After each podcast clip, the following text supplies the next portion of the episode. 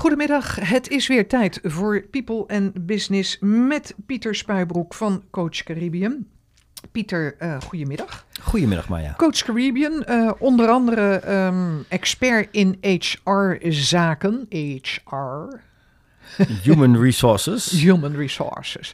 Oké, okay, het onderwerp van vandaag is ja, dat, uh, uh, als de, de, de pandemie, uh, die heeft ons geleerd dat er vier essentiële competenties zijn die heel erg goed van pas komen. Niet alleen voor het thuiswerken, maar ook voor het succes van organisaties.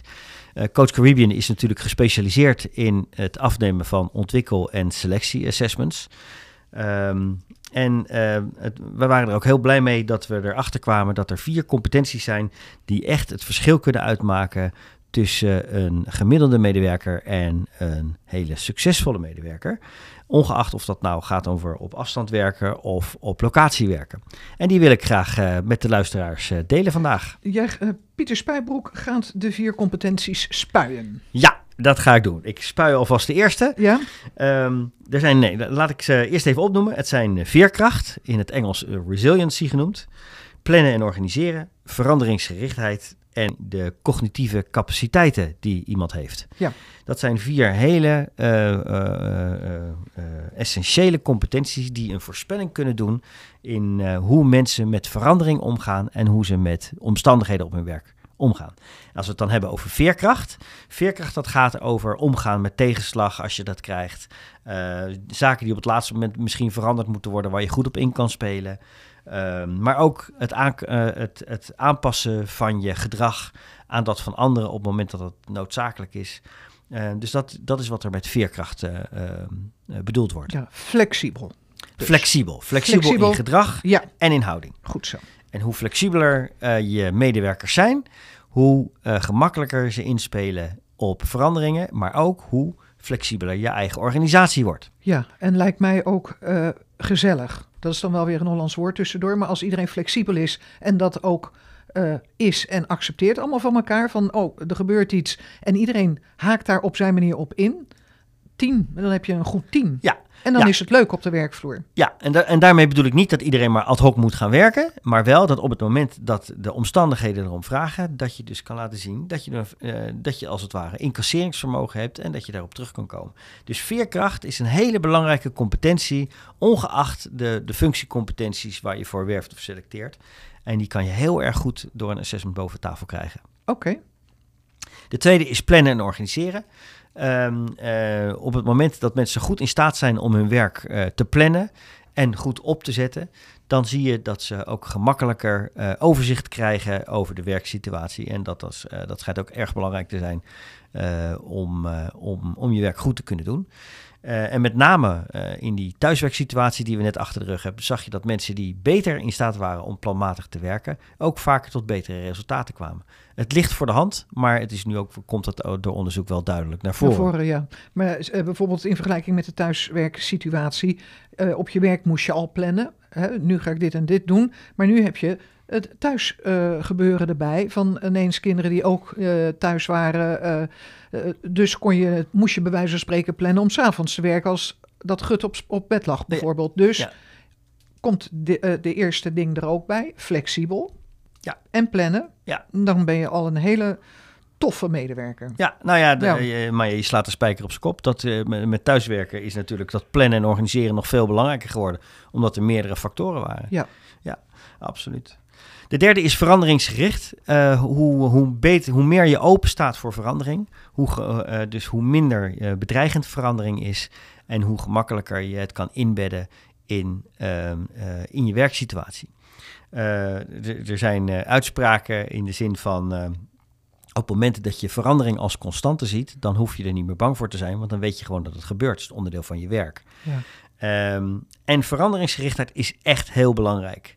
Uh, hoe meer veranderingsgericht mensen zijn, hoe meer open ze staan en hoe gemakkelijker het is om het een plek te geven in je dagelijks leven. En met veranderingsgerichtheid bedoel je uh, als er iets gebeurt of, of als je andere taken krijgt dan dat je gewend bent, dat je dat kan handelen. Dat bedoel je met veranderingsgerichtheid. Ja, of nieuwe methoden die, Ja. eh, die komen, innovaties die doorgevoerd moeten worden, andere werkstructuren. Of misschien wordt je bedrijf een keer overgenomen. En er zijn mensen die dat heel eng vinden, maar je kan ook zeggen, hé, hey, dat nieuwe misschien gaan we ja, precies. Ja, en, hoe meer je veranderingsgericht bent, hoe, eh, eh, hoe, hoe leaner en meaner organisaties worden. Hè? Daar Ja. hebben we het al eens eerder over gehad.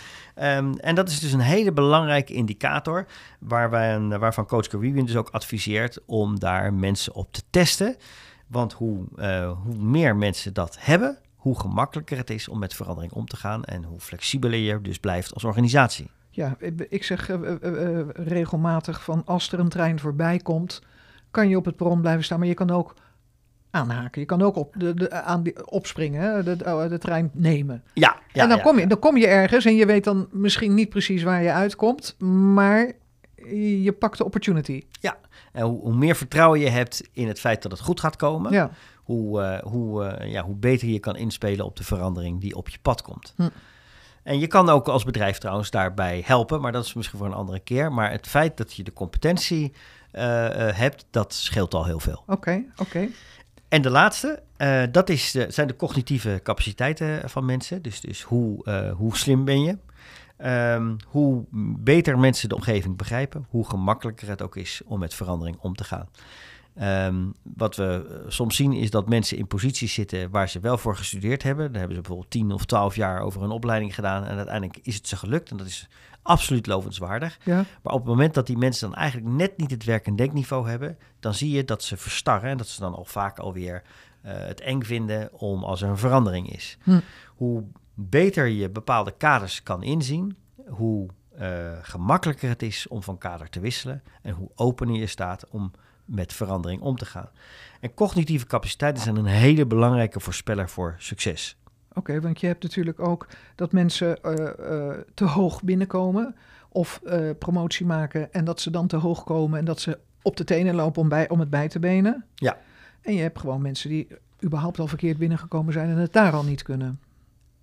Ja, eh, Ja. maar het, het tegenovergestelde komt ook voor. Ja. Mensen die eigenlijk te slim zijn voor hun werk. Om wat die vervelen zich dood, ja. Ja, en eh, eh, dat heeft ook de, de nodige risico's. Dus met andere woorden, het laten testen van cognitieve capaciteiten. Het is eenvoudig, het gaat snel en je hebt er een enorm rendement van als bedrijf. Oké, deze vier dingen, ehm, eh, jullie doen assessments, Coach Caribbean. Is dit één sessie of zijn dit dan vier sessies? Eh, met een persoon, vul, je een formuliertje in of hoe werkt dat? Nee, het is een assessment is gewoon een, meestal, dat varieert van een half tot een hele dag. Waarbij we alle competenties die noodzakelijk getest moeten worden, die, eh, die testen we. Dus dit is gewoon één eh, assessment, waarbij, eh, waarbij we dan zowel door middel van zelfbeschrijving, hè, persoonlijkheidsvragenlijst die iedereen wel kent, en de testjes, maar ook gewoon een interview met een psycholoog en een aantal praktijkoefeningen gaan we gewoon heel zorgvuldig testen we zowel de attitude als de voorkeuren als de daadwerkelijke ontwikkeling. En op basis daarvan krijg je een rapport en eh, doen we ook aanbevelingen hoe je dingen kan ontwikkelen en waar mensen inpasbaar zijn. Oké. Nou, Coach Caribbean, dan als u eh, een assessment wilt laten doen. Ja. Tot volgende week. Tot volgende week.